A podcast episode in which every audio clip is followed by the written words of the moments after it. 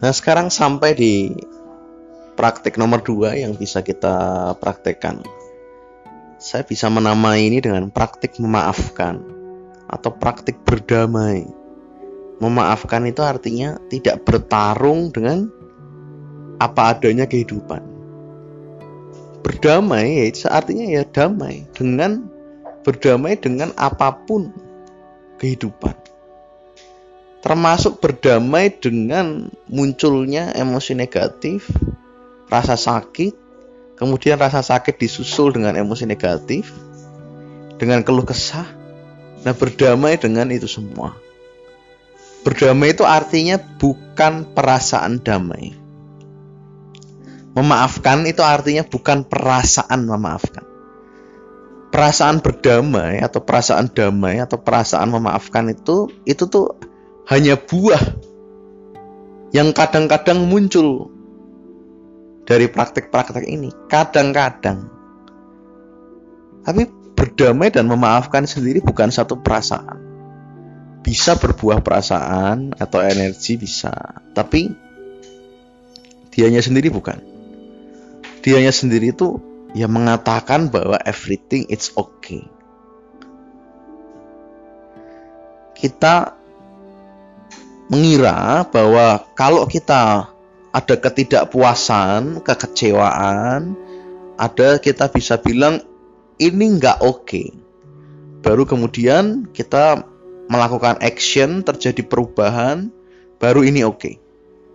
Itu paradigma kehidupan biasa. Tapi saat kita sebenarnya berani mengatakan it's okay yeah, it's okay for this moment. Untuk saat ini terjadi kekuatan perubahan yang luar biasa. Yang cukup aneh. Dan kekuatan itu ada. Kekuatan perubahan.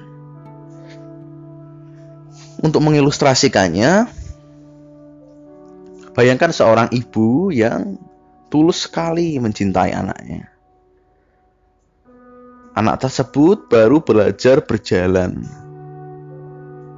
Dan ketika anak tersebut belajar berjalan, apakah cinta kasih ibunya akan terpengaruh ketika anak tersebut nanti bisa berjalan atau diketahui bahwa anak tersebut ternyata tidak bisa berjalan alias pincang kakinya atau apa pun apakah cinta ibunya itu berubah ketika anaknya itu bisa berjalan ataupun tidak bisa berjalan? Sesungguhnya cinta kasih yang sejati dari ibunya tidaklah berubah. Ibunya tetap menerima anaknya apa adanya. An apakah anaknya tersebut bisa berjalan atau tidak? Tapi meskipun ibunya menerima apa pun yang terjadi, ada seperti dorongan natural untuk ayo, ayo, coba dulu ayo belajar berjalan. Ayo, ayo coba, ayo. Ada satu dorongan yang ayo, ayo, dorongan perubahan, dorongan pembelajaran. Dorongan tersebut mengarahkan satu perubahan yang relatif, yaitu anak belajar berjalan. Demikian pula dengan hidup kita sebenarnya.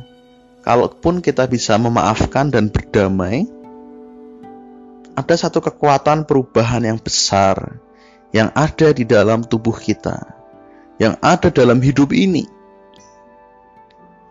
dan mengarahkan hidup kita ke arah yang baik. Makanya, dari memaafkan dan berdamai itu ada satu kekuatan. Nah, berdamai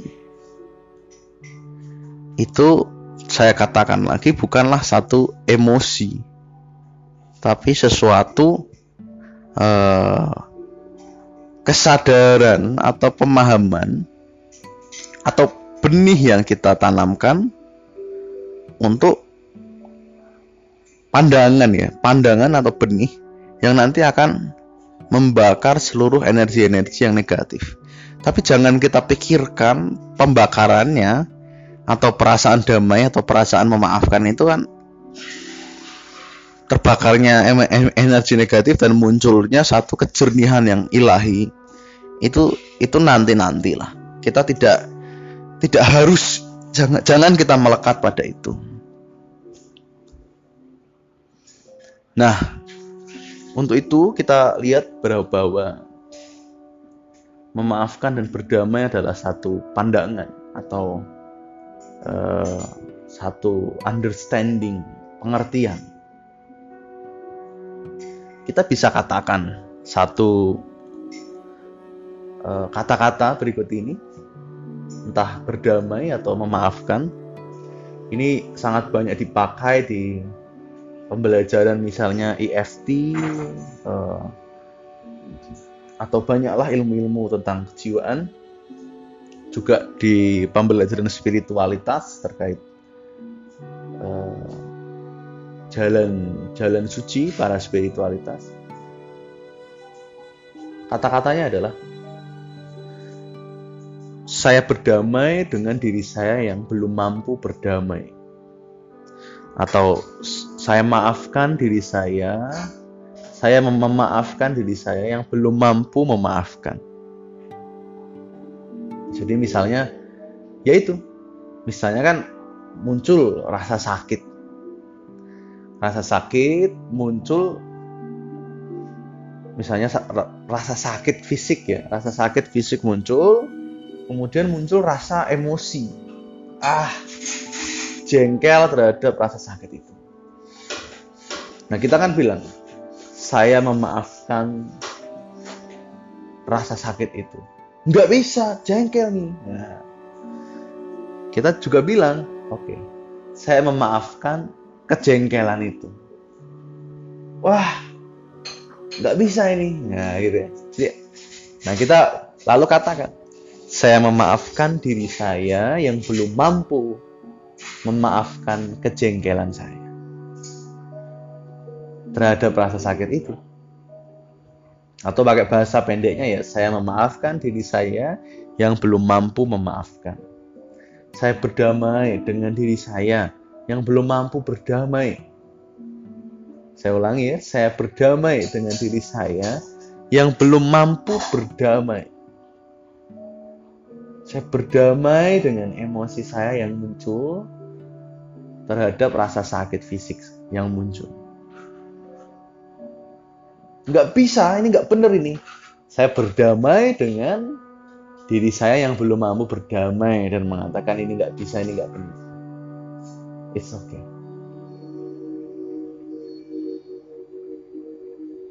Everything is okay.